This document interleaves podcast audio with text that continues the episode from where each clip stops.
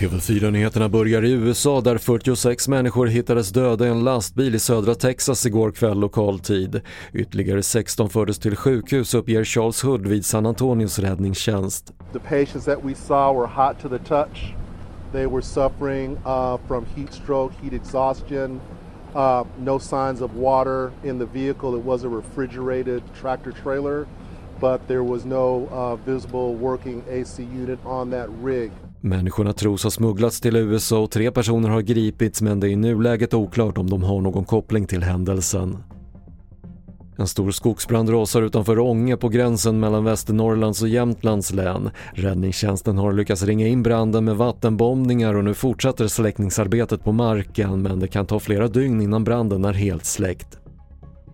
Och midsommarvärmen har satt fart på algblomningen i Östersjön och just nu är det mycket algblomning runt Gotland och i Stockholms södra skärgård enligt SMHI.